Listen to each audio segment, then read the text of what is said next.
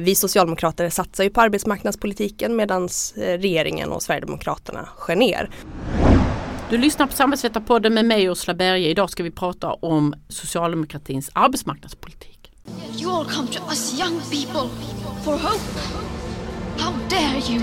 How dare you! Hallå regeringen! Hör ni vad vi säger? De grupper och de individer som genomför den här sortens aktioner, de blir i det här säkerhetspolitiska läget nyttiga idioter för krafter som vill Sverige illa. Bortförklaring efter bortförklaring efter bortförklaring. Vi kan ta det efteråt Magdalena Andersson. Kan du få berätta vad som var så roligt för allihopa? Hej och välkomna till Samhällsvetarpodden som leds av mig Ursula Berge, samhällspolitisk chef på Akademikerförbundet SSR. Vår gäst idag är Teresa Cavallo som är socialdemokratisk riksdagsledamot och vice ordförande i riksdagens arbetsmarknadsutskott. Välkommen Teresa! Tack så mycket! Du har varit riksdagsledamot sedan 2014 och alltså inte varit oppositionspolitiker i riksdagen tidigare. Och du kom in i arbetsmarknadsutskottet nu efter valet och nu är du dess vice ordförande.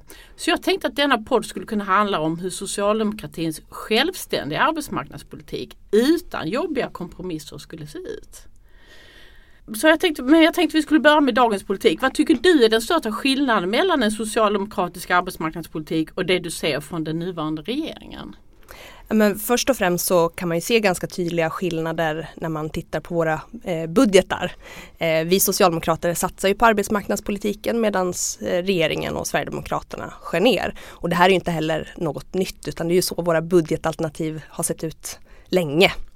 Men, eh, och det där tänker jag beror på att vi i grunden har väldigt olika syn på vad eh, arbetsmarknadspolitik är för någonting. Eh, för oss socialdemokrater så handlar det väldigt mycket om just de här aktiva insatserna.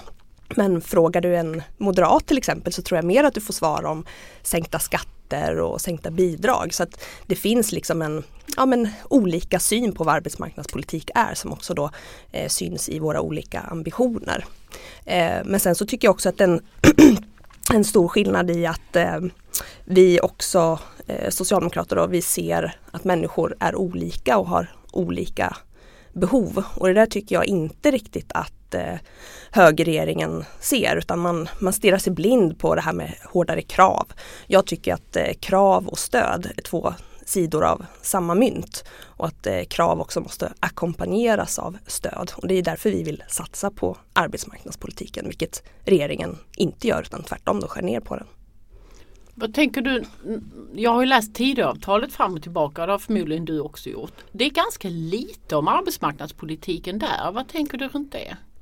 Ja men den lyser ju verkligen med sin eh, frånvaro och jag tänker att det beror just på de här delarna som jag nämnde. Att man, eh, man ha, vi har väldigt olika syn på vad arbetsmarknadspolitik är och vi har väldigt olika ambitioner för arbetsmarknadspolitiken. Eh, högerpartierna som samlas i det här tidavtalet eh, de har ju snarare då pekat ut det här med sänkta skatter och sänkta bidrag och tycker att det är en arbetsmarknadspolitik.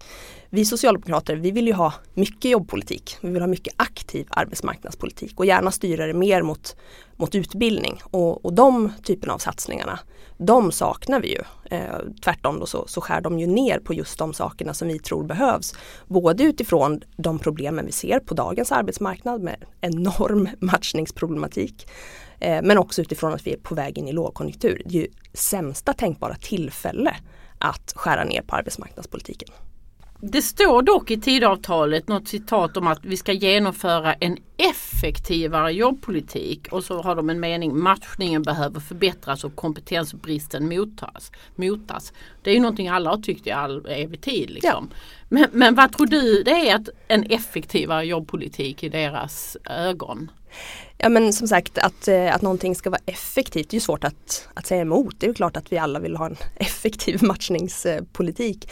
Men det jag eh, anar och det som kan göra mig bekymrad det är ju att jag ser att det egentligen handlar om att man vill ha så billiga insatser som möjligt. Och det måste man ju komma ihåg att det som är billigast och kortast det är ju inte nödvändigtvis det som är det bästa för individen. Vi socialdemokrater ser ju gärna att man har mer individanpassade eh, insatser där arbetsförmedlare i större utsträckning får eh, göra bedömningen vilken insats är det du behöver för att stärka din ställning på, på arbetsmarknaden. Och eh, då kan det absolut vara så ibland att det räcker med korta eh, relativt billiga insatser. Men för väldigt många så är inte det tillräckligt och det vi ser idag på svensk arbetsmarknad det är ju framförallt att den stora problematiken det är att de som blir kvar länge i arbetslöshet det är de personer som ofta saknar eh, gymnasiekompetens eller yrkesutbildning. Det är de som behöver mer av rustande insatser. Och ja, jag är ledsen men det är inte alltid de är de billigaste insatserna utan tvärtom så kan det behövas personalintensiva, resursintensiva insatser för att de här personerna mer långvarigt ska fastna på, på den reguljära arbetsmarknaden. Och som kan vara det mest kostnadseffektiva fastän det kostar mycket initialt. Ja men jag tänker um, om, om man står inför valet att, att uh, få en kort snabb insats som kanske skulle leda till att du får ett deltidsarbete under en viss tid. Uh, mot alternativet att du går en yrkesutbildning och får en mer långlivad anställning inom ett bristyrke exempelvis. Då är det klart att även om det kostar lite mer med den här yrkesutbildningen så tror jag att i väldigt många fall i alla fall så är det det mer lönsamma i längden både för individen och för samhället. Mm. Jag tänker runt det här med att eh, du har ju varit i, i politiken under hela perioden då det fanns ett januariavtal. Och eh, januariavtalet var ju otroligt tydligt impregnerat med arbetsmarknadspolitik. Och nu har vi tidavtal där det finns någon stackars mening någonstans på slutet ungefär. Vilken resa har du själv gjort och, och ditt parti gjort kopplat till arbetsmarknadspolitiken under, eh, sedan ni så att säga um, ja, sedan ni slapp januariavtalet slash eh, januariavtalet bröts? Men det är klart att eh, det är ingen hemlighet att, eh, att arbetsmarknadspolitiken de, de föregående fyra åren var, var fullt av en hel del kompromisser. Så, så är det ju i politiken men jag tycker ändå att vi socialdemokrater hade en, en tydlig riktning att eh, vi, vill, vi, vi formar ju alltid vår politik utifrån eh, målet om full sysselsättning och med det menar vi att alla som kan arbeta ska arbeta. Sen handlar det inte bara om att ha ett jobb utan vi vill ju dessutom att man ska ha ett jobb man kan leva på. Det vill säga det behöver vara ordning och reda på arbetsmarknaden. Vi behöver schyssta löner och villkor och det är ett perspektiv som jag tycker att högerregeringen helt och hållet saknar. Ehm, men det är klart att vi också nu sitter och funderar på hur kan vi eh, vässa vår politik. Det är ju definitivt sånt som man gör i, i opposition. Men ehm, vi, jag tycker heller inte att vi har liksom ändrat vår grundläggande syn på arbetsmarknadspolitik utan det handlar om att vi ska ha en aktiv arbetsmarknadspolitik, styra mycket mot utbildning men också erkänna att det behövs andra insatser. När jag besöker Arbetsförmedlingen runt om i landet så möts jag ofta av medskicket att ja, men absolut det behövs mer utbildning men vi måste också se till att människor är rustade att kunna gå en utbildning. Och det ser vi idag att det är många som inte är. Och då behöver man också eh, tänka på att fylla på den där verktygslådan med, med fler insatser. Vi behöver en bred palett med många olika verktyg för att människor är olika med olika behov. Och det är säkert så att vi också har anledning av att fundera på hur vi kan fylla på den där verktygslådan ännu mer. Men jag kan ju konstatera att regeringen gör ju tvärtom. De plockar ju ut verktyg ur verktygslådan. Jag tänkte precis säga det. På sidan 58 i Tidöavtalet står det så här. Den arbetsmarknadspolitiska insatsfloran bör förenklas med färre och så kostnadseffektiva insatser som leder till jobb. Ja, det är ju helt fel väg att gå menar jag. Ehm, jag, jag tror ju någonstans ändå att eh, den aktiva arbetsmarknadspolitiken den fungerar. Ehm, sen eh, är det mycket, mycket liksom troligt så att vi behöver skruva på olika kranar och utveckla de olika metoderna. Vi ser ju ändå att vi har haft eh, problematik med långtidsarbetslösa under en lång tid. Eh, även om etableringstiden för nyanlända kortades avsevärt under vår regeringstid så kan vi inte säga annat än att vi har väldigt lång bit kvar att gå. Eh, men eh, det är ju helt fel väg att gå att plocka bort verktyg. Jag menar regeringen eh, erkänner ju själv i sin budgetproposition att lågkonjunkturen som nu kommer, den kommer att slå allra hårdast mot de personerna som har svagast anknytning till arbetsmarknaden redan. Om vi då redan vet att vi har en problematik problematik med en långtidsarbetslöshet som har bitit sig fast och mycket tyder på att den kommer att öka och bita sig fast på ännu högre nivåer. Då förstår jag faktiskt inte hur man resonerar när man väljer att skära ner på den aktiva arbetsmarknadspolitiken och på vuxenutbildningen med miljardbelopp.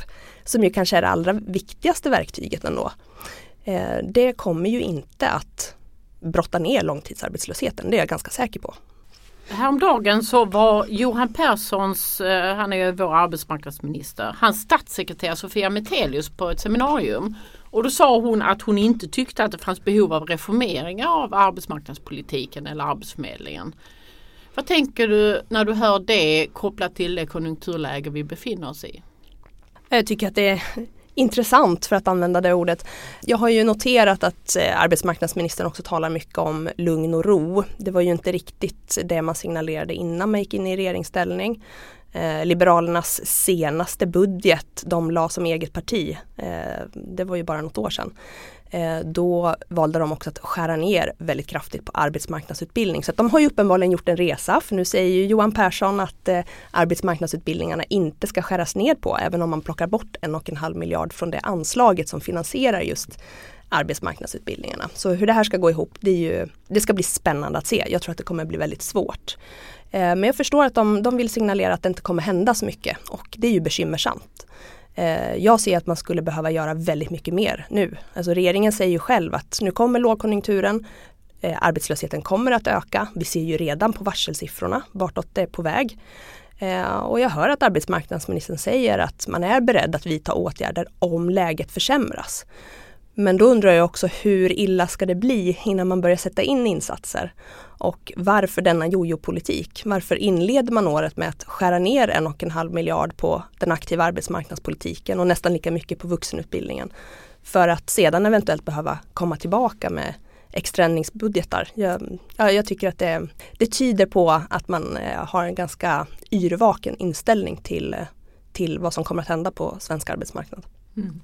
Och det är ju svårt att kasta sig in och plötsligt vara i regeringsställning när man inte har varit det på åtta år. Så det är klart att eh, man får, det är lite inkörsproblem. Men, men en väldigt eh, tydlig sak man ser och som väldigt många på Arbetsförmedlingen och andra säger det är ju att till exempel tror jag det var flera miljarder Arbetsförmedlingen var tvungna att lämna tillbaka på det anslaget som heter programanslaget för att man inte har arbetsförmedlare, lokaler och så vidare för att kunna ge människor möjlighet till olika typer av åtgärder. Och ändå så är den flaskhalsen kvar liksom år ut och år in. Hur tänker man? Eh, alltså, hur, hur, hur tänker du runt förvaltningsanslaget och framförallt vad regeringen borde göra kopplat till det? Mm. För det första så tycker jag inte att det är bra på något sätt att eh, resurser blir över. Men jag kan ju konstatera att att det blir resurser över hos Arbetsförmedlingen det beror ju inte på att det inte finns ett behov. Och att då använda det som argument för att skära ner både på anslagen till Arbetsförmedlingen och till verktygslådan. Det tycker jag är väldigt osmart. Tvärtom så vet vi ju att en del av problematiken, en ganska stor del av problematiken här och nu, det är ju det kraftiga Alexanderhugg som högerpartierna riktade mot Arbetsförmedlingen under förra mandatperioden då de visserligen var i opposition men lyckades få igenom sin, sin budget på det här området. Sin servettskiss. Ja, och, och det var ju flera omgångar, det var inte bara en gång. Det här har ju inneburit att Arbetsförmedlingen har ju fått alldeles för dåliga förutsättningar att kunna möta de arbetssökande och hänvisa dem till rätt insatser. Man har helt enkelt inte hunnit göra av med, eh, med pengarna som är öronmärkta för olika insatser. Och jag menar, när exempelvis polisen har gått med överskott, då har jag inte hört de här partierna säga att ja men då ska vi skära ner på polisen. Nej, det skulle aldrig hända. Utan tvärtom har det då hetat att ja, vi behöver se till att långsiktigt stärka Polismyndigheten så att man kan omsätta resurserna i arbete. Alltså kapacitetsförstärkningar långsiktigt. Och man borde naturligtvis möta Arbetsförmedlingens eh, situation på samma sätt. Vi behöver långsiktiga förstärkningar för att man ska kunna möta de arbetssökande på rätt sätt och kunna omsätta resurserna till programinsatser och andra insatser. Om vi går in på vilka arbetsmarknadsåtgärder som Arbetsförmedlingen har i sin verktygslåda. Så vad som har hänt väldigt tydligt de senaste åren det är införande av det som heter matchningstjänster. Det har i sig bytt namn ungefär en gång i halvåret. Men just nu heter det vidareutvecklade matchningstjänster tror jag. Och tittar man på volymer så är det den absolut största åtgärden i, eh, inom, inom arbetsmarknadspolitiken idag. 70 000 personer ska, ska eh, omfattas av det per år. När till exempel arbetsmarknadsutbildningen är 8 000 personer i bästa fall. De når sällan upp till de volymerna. Eh, vad tänker du runt balansen på de olika åtgärder som faktiskt erbjuds eller kan erbjudas idag och hur man väljer att prioritera? Till att börja med så skulle jag gärna se att kakan var större. Eh, och det hade den varit eh, om vi socialdemokrater hade fått bestämma. Eh, men eh, jag tycker också att det är viktigt att lyfta fram perspektivet att eh, eh fördelningen måste ju också eh, ske utifrån eh, Arbetsförmedlingens och arbetsförmedlarnas bedömning. Jag tycker att det behöver finnas en flexibilitet i systemet så att man kan hänvisa till de olika insatser som man ser att olika individer är i behov av. Men med det sagt så kan jag ju se att den här fördelningen är ju skev. Eh, så är det ju. Eh, jag skulle vilja styra betydligt mycket mer mot arbetsmarknadsutbildning. Eh, 8000 tror jag det står i, i prognosen men jag tror att idag så är det snarare 6000 som är i arbetsmarknadsutbildning. Och, ja, vill man jämföra med, med toppnoteringarna så kan man ju titta på 90-talet och vi väl hade 90 000 i arbetsmarknadsutbildning. Och jag vet att det finns de, exempelvis LO pekar väl på att 30 000 skulle vara en rimlig målsättning utifrån dagens behov. Och jag delar verkligen bedömningen att eh, vi skulle behöva få upp volymerna, både inom arbetsmarknadsutbildning men också i den reguljära eh, vuxenutbildningen och hänvisa fler personer också dit. Och då kan jag också säga att vi behöver dessutom parallellt med det då se på studiefinansieringsmöjligheterna så att fler människor har möjlighet att behålla sin arbetslöshetsersättning under tiden man, man studerar. Eh, jag tycker både att matchningstjänsterna och eh, nystartsjobben har en för stor del av kakan så att säga. Vi skulle också vilja omfördela från nystartsjobb till andra mer behovsanpassade anställningar som exempelvis extratjänsterna och som eh, högerpartierna tog bort eh, men som vi då vill återinföra. Eh, så ja, nej men absolut, jag, jag tycker att eh, kakan borde förstoras men eh, fördelningen behöver också eh, göras om. Och det finns ju två perspektiv man kan ha på det här. Det ena är ju själva idén om att politiken ska styra väldigt detaljerat. Att det ska vara, ni ska öka antalet matchningstjänster eller ni ska göra ditten och datten. Att, att politiken är så på, på, på detaljnivå. Också kopplat till det att, att om, om Arbetsförmedlingen har för mycket pengar på ett konto så får de inte överföra till ett konto där de har, som är flaskhals och där de har för lite pengar. Hur tänker du runt detaljstyrningen från politikens sida kopplat till Arbetsförmedlingen? Ja, men som jag var inne på så tycker jag nog att det finns anledning att eh, se över hur vi kan få en eh, viss ökad flexibilitet i systemet. Eh, det är klart att eh, vi politiskt gärna vill, vill kunna styra och jag tycker att utbildning är väl ett sådant typexempel där det är klart att vi vill kunna kunna peka på utbildning och säga att vi behöver styra mer mot utbildning eftersom vi ser att det är just bristen på, på formell utbildning som ofta är orsaken till att man är långvarigt utanför arbete. Men sen finns det väldigt många andra delar i den arbetsmarknadspolitiska verktygslådan som eh, man, behöver ganska, man behöver gräva ganska djupt ner i lådan för att, eh, för att komma åt. Och eh, där tycker jag att vi behöver liksom lyssna på Arbetsförmedlingen och se till varje persons enskilda behov också. Och se över hur vi kan få mer flexibilitet. För jag tycker ändå att det är viktigt att, att, eh, att man ser till individens behov i, i första hand. Vad är det du behöver för att stärka din ställning på arbetsmarknaden? Eh, och då ska inte det hänga på att politiken har, eh, har satt eh, x eh, tusen personer eh, i kolumnen här men lika många x för lite i nästa kolumn. Så det är klart att det behöver finnas en balans mellan politisk styrning och flexibilitet och ja, men, att lita på professionen helt enkelt. Det finns ett annat perspektiv man kan ta på den här styrningen och det är ju att Matchningstjänster är ju en privatiserad åtgärd som, som, där det finns privata matchningsleverantörer som man kan välja som enskilda eh, arbetssökande, så kallad LOVAD-reform. Och det är ju någonting som högerpartier i allmänhet tycker är bättre än mycket annat. Eh, nystartsjobbet är en rättighetsbaserad förmån som bygger på att om du hittar en arbetsgivare som vill anställa dig så, så, så är det ingen prövning så att säga. Så det finns ju en ideologi bakom det här vägvalet också. Vad tänker du runt det? Um, ja men så är det ju. Det är absolut uh, så att det finns uh, ideologiska uh, skillnader som, som ligger bakom de olika insatserna och som förklarar varför det finns en viss tonvikt på, på vissa delar och, och inte på andra. Eh, vi har inga förslag på att liksom, lägga ner de privata matchningstjänsterna men jag kan ju konstatera att det finns egentligen väldigt lite som tyder på att de skulle nå bättre resultat eller till en lägre kostnad än offentlig arbetsförmedling.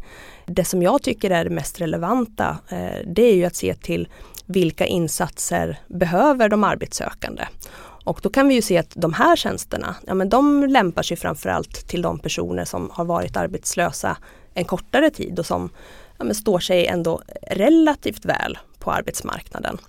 Men den riktas ju till en betydligt bredare grupp. Eh, och om de insatserna tränger undan att personer som egentligen, är, som egentligen är i behov av utbildning och andra rustande insatser inte får de rustande insatserna. Ja då blir det ju ett problem och det är därför jag tycker att Ehm, att den där kakan är lite för stor i förhållande till exempelvis då utbildning som jag skulle vilja styra mer mot. Och vad gäller de subventionerade anställningarna så har vi socialdemokrater förslag på att omfördela resurser från nystartsjobben till eh, att återinföra extratjänsterna. Vi säger inte att vi ska ta bort nystartsjobben helt och hållet men, men de siffrorna är upplåsta. De pengarna kommer inte heller gå åt till, de här, eh, till den här typen av eh, anställningssubvention som ju går ut på att den enskilda som hittar en arbetsgivare som vill anställa en får med sig en påse pengar som pressar ner kostnaden för arbetsgivaren. Vi skulle ju hellre vilja se fler subventionerade anställningar som går ut på att rusta individen som, som innebär ett steg på vägen mot ett reguljärt arbete och som, som är till för att du som individ har ett behov av en stödanställning. De här väldigt stora siffrorna på matchningstjänster eh, eh, har ju vuxit på väldigt kort tid. Det är inte mer än några år. Och än så länge har ju Alltså de, du, du, nämnde tidigare de forskningsutvärderingar som har gjorts är, är ju väldigt, alltså det finns inte så mycket om man ska vara riktigt ärlig. Det finns, inget, eh, det finns ingen forskningsbaserad evidens på att detta är mer effektivt än något annat. Och, och då kan man ju bli lite förvånad över att man väljer att, att, eh, så att säga, blåsa upp siffrorna så här mycket jämfört med andra typer av åtgärder som är utvärderade på höjden och tvären sedan decennier tillbaka. Um, vad tänker du runt behovet av att man faktiskt har forskningsstöd för de åtgärder man väljer att prioritera? Men det tycker jag är viktigt, eh, som med väldigt mycket annat. Eh, det hjälper ju också politiken att fatta kloka beslut. Eh, och vi kommer naturligtvis följa det här väldigt noga. Eh, de utvärderingar som förhoppningsvis kommer göras av, eh, av de här tjänsterna liksom, liksom andra insatser. Eh, och det får ju vara vägledande också för hur vi ställer oss eh, till, till fördelningen eh, framöver. Men, men i grund och botten så, så vill jag återkomma till att vi, vi ser ju att vi skulle vilja styra mer mot en aktiv arbetsmarknadspolitik som är rustande för de individer som har de, de största behoven. Eh, det är det som långsiktigt kommer att ge effekt, det är jag ganska övertygad om det här med effektivitet är ju, det är ju svårt kan man ju säga. Alltså jag läste anbudsunderlaget för de här nya vidareutvecklade matchningstjänsterna eller Rusta matcha 2 eller vad det nu heter för stunden. Och då står det ju tydligare än tidigare att, att det ska man ska, alltså det, det blir lite motsatsen. Om man ska ha matchningstjänster som bygger på att du matchas till rätt jobb och sen står det i anbudsunderlaget att du ska, du ska eh, hitta arbete eller utbildning på kortast möjliga tid tänker, går det att matcha rätt då? Alltså blir det inte vilket jobb som helst då? Alltså om du är läkare och matchas till att bli städare, då är det kortast möjliga tid. Men det kanske inte blev rätt. Ja och det är ju precis därför som jag nämnde tidigare då att eh, den, den kortast möjliga insatsen, den billigaste möjliga insatsen, det är ju långt ifrån nödvändigtvis den bästa eller eh, långsiktigt hållbara lösningen för, för individen. Jag kommer att tänka på Eh, den gamla socialdemokratiska eh, socialministern Gustav Möller som eh, sa de bevingade orden att varje förslösad skattekrona är en stöld från folket. Och det är klart att det, det är ju helt sant, det gäller ju än idag. Och om det är det man menar så köper jag det helt och hållet. Men, men som sagt, med det sagt så behöver man ju komma ihåg att det inte alltid den billigaste lösningen som är den allra bästa och det var nog heller inte vad han eh, menade. Eh, så jag tycker att den här debatten ibland blir lite, lite kapad. Jag, jag hör ju att arbetsmarknadsministerns talepunkt är just det här med, med effektivitet.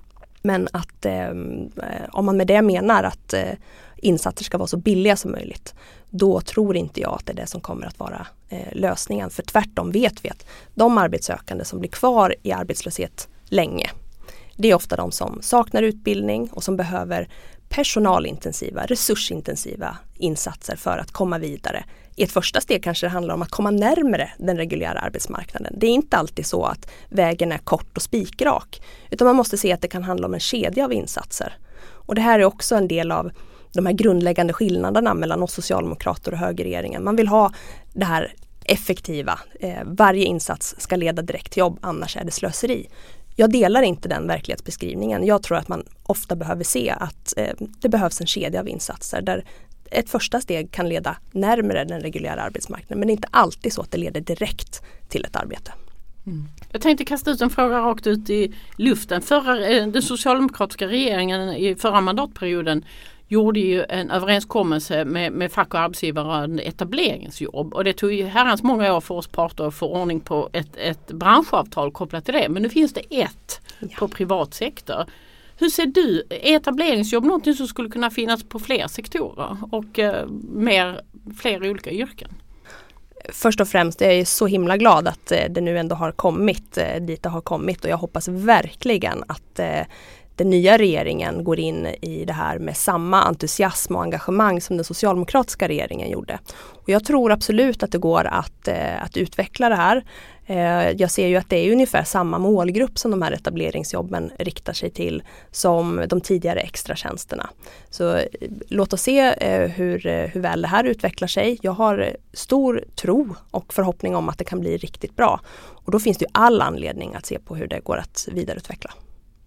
Och, och extratjänsterna var ju till eh, kommun och regionsektorn, offentlig sektor. Precis. Och eh, tänker du att etableringsjobben också skulle kunna vara för eh, KR-sektorn? Ja nu har ju vi socialdemokrater föreslagit att återinföra extratjänsterna men det är ju inte vad det heter som är det viktigaste utan det är ju eh, vad insatsen innehåller och eh, vem det riktar sig till. Och finns det då andra eh, verktyg som eh, matchar upp mot det så är det klart att vi kan titta på att vidareutveckla det istället eller parallellt med Eh, med de insatser som vi, vi hade presenterat tidigare. Eh, men det är ju en väldig styrka just med etableringsjobben att eh, parterna står bakom. Det måste man ju säga. Precis och en liten faktaruta i sammanhanget är ju att etableringsjobben är ju en trepartsöverenskommelse ja. som bygger på att eh, arbetsgivaren betalar 8000 av lönen per månad och sen så fylls det upp med statliga pengar upp till en avtalsenlig lön. Så att den individen så att säga får inte lön som inte går att leva på utan det ska vara motsvarande kollektivavtal. Mm. Det var lilla faktarutan. Ja, det är bra. Du har varit inne på konjunkturläget och så vidare. Vi kommer ju från ett läge där vi haft en högkonjunktur och sen kom uh, Ukraina-kriget och sen kom en massa annat uh, elände. Vi har haft pandemi tidigare och så vidare. Men det konjunkturläge vi är nu där vi har en hög inflation och vi har en risk för lågkonjunktur därigenom också en, en risk i i närtid för att arbetslöshetssiffrorna stiger. Om du var arbetsmarknadsminister, vad skulle du satsa på just här och nu? Nytt regleringsbrev, eh, vårändring, en ny budget. Vad skulle du satsa på? Ja, jag tänker mig att jag skulle ha ett batteri med olika insatser. Men eh, det allra viktigaste det är ju faktiskt utbildning. Eh, jag har sagt det flera gånger redan men jag säger det gärna igen. Eh, både utifrån att vi ser eh, matchningsproblematiken som vi redan har på arbetsmarknaden. Men sen är ju lågkonjunktur alltid ett väldigt eh, bra tillfälle att eh, ställa om och möta strukturomvandling och det gör man ju allra bäst med, med utbildningsinsatser. Se till att människor rustas med de färdigheter som kommer att efterfrågas när kurvorna vänder uppåt igen. Men sen behövs ju massa olika saker såklart. Jag var inne på det tidigare också att eh, det räcker ju inte bara att pumpa upp volymerna i utbildning utan det behövs också bättre studiefinansieringsmöjligheter och det behövs också fler förberedande insatser så att människor som kanske idag inte är redo att gå in i en utbildning blir det imorgon. Eh, så att man ser den här kedjan av, av olika insatser. Och nu när du ställer frågan så blir jag också påmind om eh, precis innan jul när vi hade budgetdebatten på det här området. Och jag förde just ett sådant resonemang om att eh, lågkonjunkturen är ju ett ypperligt tillfälle att eh, satsa mer på utbildning och arbetsmarknadspolitik och att det är galet att regeringen istället skär ner. Då blev jag beskylld för att vilja eh, elda på inflationen. Och det tycker jag är både det är både, vad ska vi säga, ja det är ju inte sant till att börja med och eh, det är heller inte särskilt smart påstående. Jag menar vi socialdemokrater hade ju inte en mer expansiv budget än, än regeringen så det går liksom inte att beskylla oss med trovärdighet för att vi skulle vilja elda på inflationen. Men däremot så valde vi att prioritera de pengar vi hade att röra oss med på ett helt annorlunda sätt.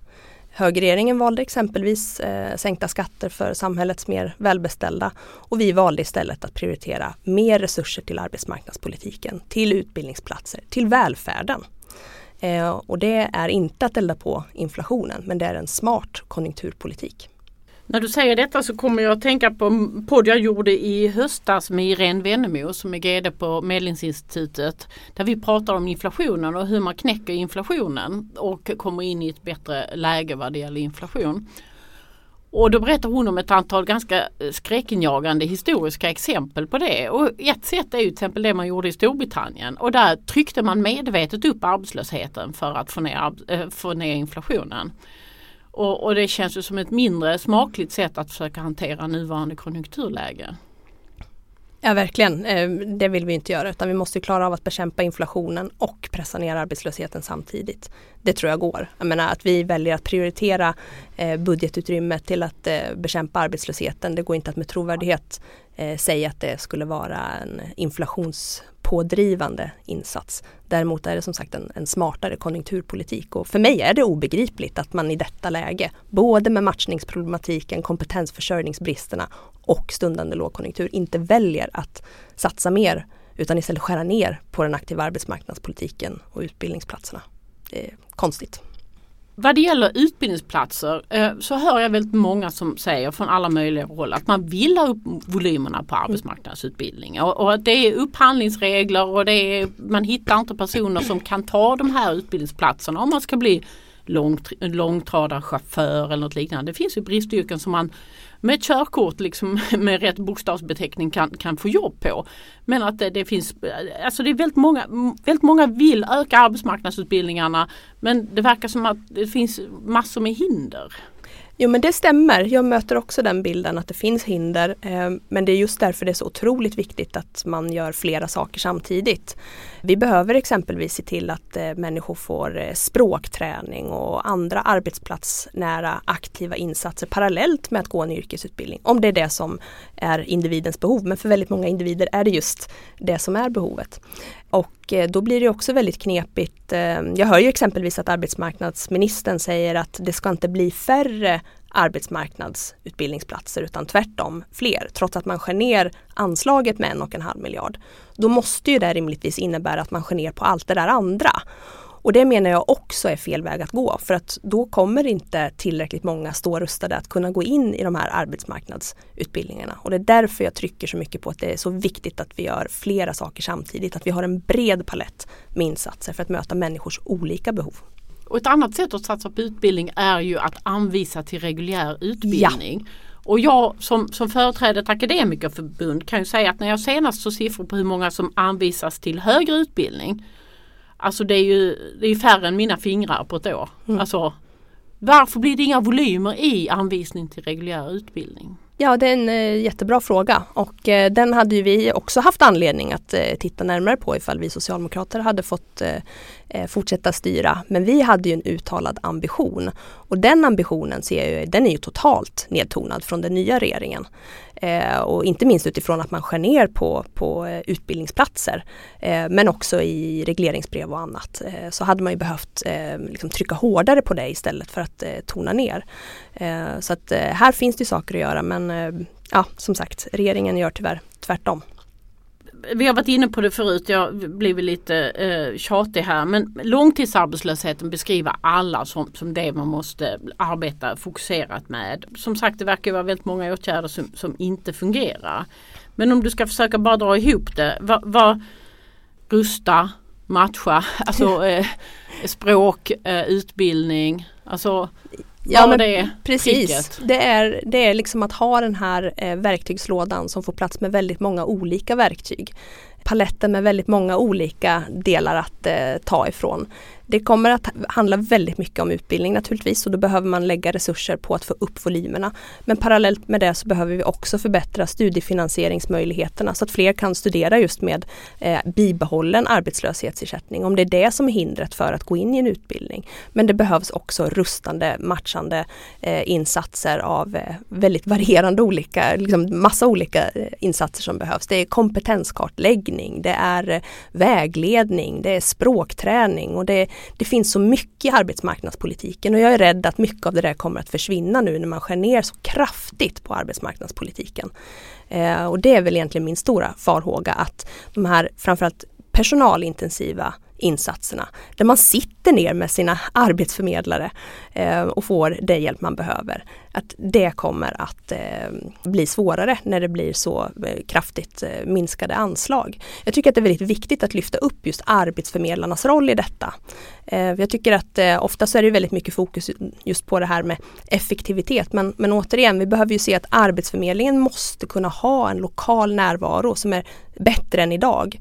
Och eh, organisationen behöver ha muskler att eh, kunna avsätta eh, resurser i form av liksom, arbetsförmedlare, personer som, som möter och som jobbar med de arbetssökande. Eh, det tror jag kanske inte att eh, alla tänker på alla gånger men det är otroligt viktigt för just den här gruppen långtidsarbetslösa. Det, det personliga mötet, att man blir sedd som en, en hel person och en tillgång. Precis och ett exempel på det är ju ett ESF-projekt som drevs eh, för några år sedan som hette Jämställd etablering som var riktat speciellt till utrikesfödda kvinnor. Men det, det var också, alla ingick men, men det blev väldigt tydligt profil på dem för de är väldigt ofta långtidsarbetslösa. Ibland kallas det också matchning från dag ett, mm. MD1. Och det var ju ett precis som du beskrivit otroligt personalintensivt projekt som byggde på att man punktmarkerade eh, liksom de här personerna och hjälpte dem även till första jobbet och att de också var på mm. arbetsplatsen i början och hjälpte till riktigt rejält. Det har ju då utvärderats enligt konstens alla regler och visat sig vara extremt kostnadseffektivt både kort och lång sikt. Det projektet lades ner. Det var ju tillfälliga pengar från e-, e-, Europeiska socialfonden men det finns inte pengar för det idag eh, som det ser ut nu och därför mm. finns det inte. Alltså, det var någon som, som jag fick hjälp att räkna på det här. Det skulle räcka med 200 miljoner kronor på, på förvaltningsanslaget för att göra detta. Ett projekt man vet fungerar som, som är det bäst utvärderade projektet man har sett inom, inom arbetsmarknadspolitiken på, på lång tid. Mm. Varför finns inte det? Ja, men jag tror att orsaken är väl just det här med eh, effektivitet eh, som ju är talepunkten från, eh, från regeringen. Eh, och jag köper ju inte det. Så jag, jag tror ju inte att man, eh, att man kan eh, bara se till de billigaste eh, insatserna om man vill eh, på riktigt få ner långtidsarbetslösheten utan då handlar det om att ge rätt insatser och rätt insatser är många gånger lite dyrare, lite mer personalintensiva.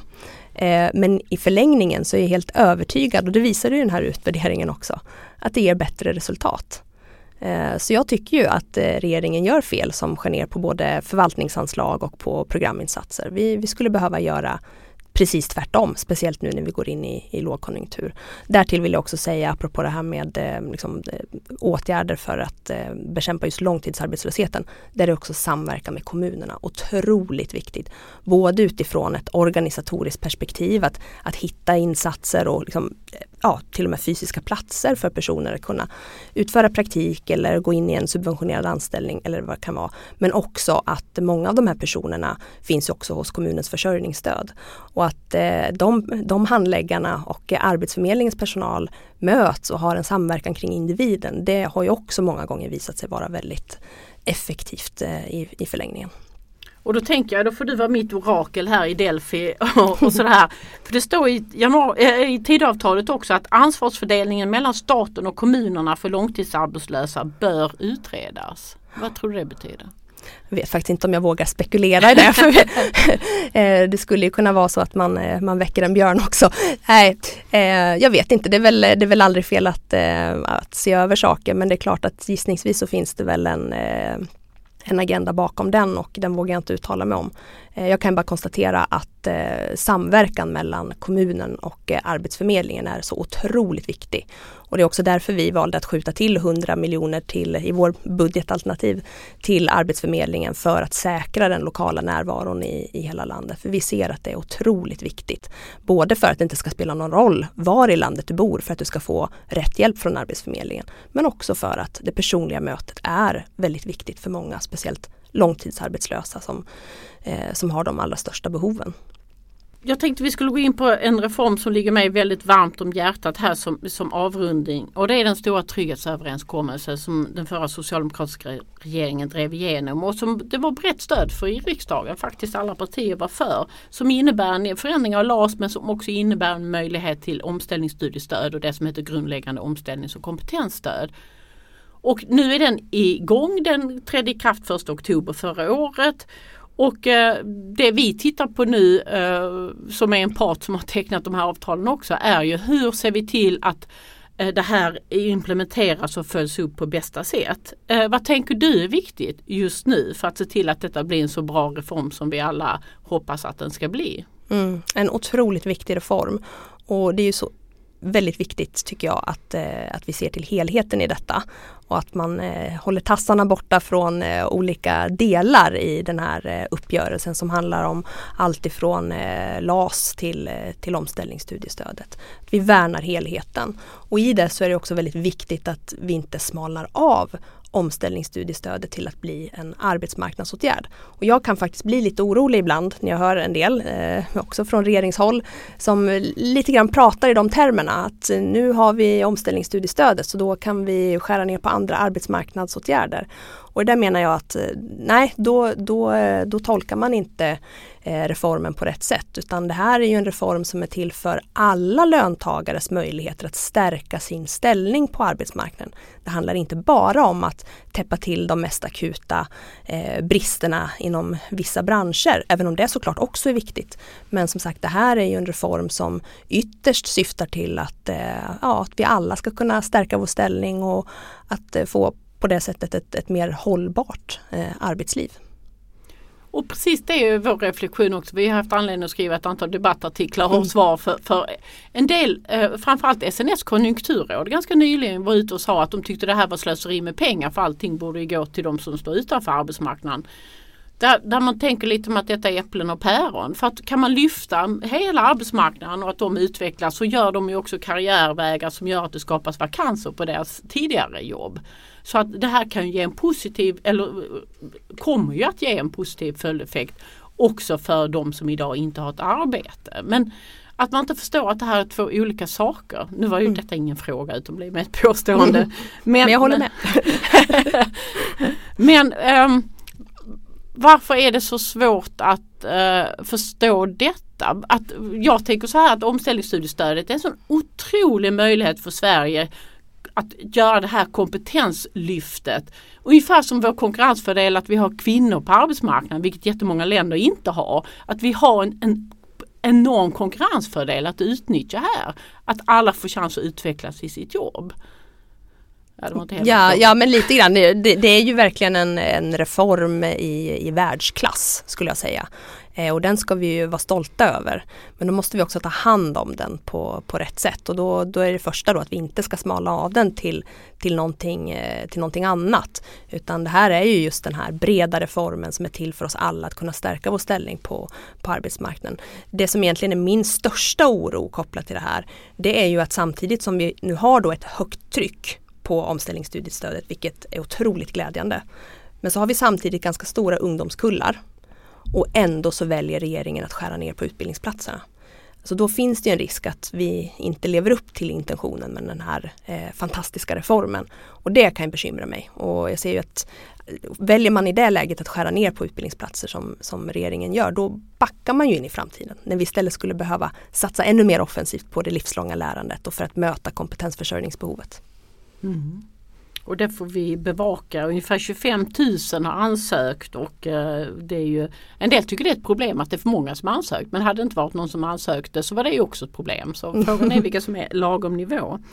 Men, men vi ser ju en stor potential i, i detta. Um, ja, jag tänker att vi har betat igenom det mesta runt arbetsmarknadspolitiken nu. Vad har vi missat?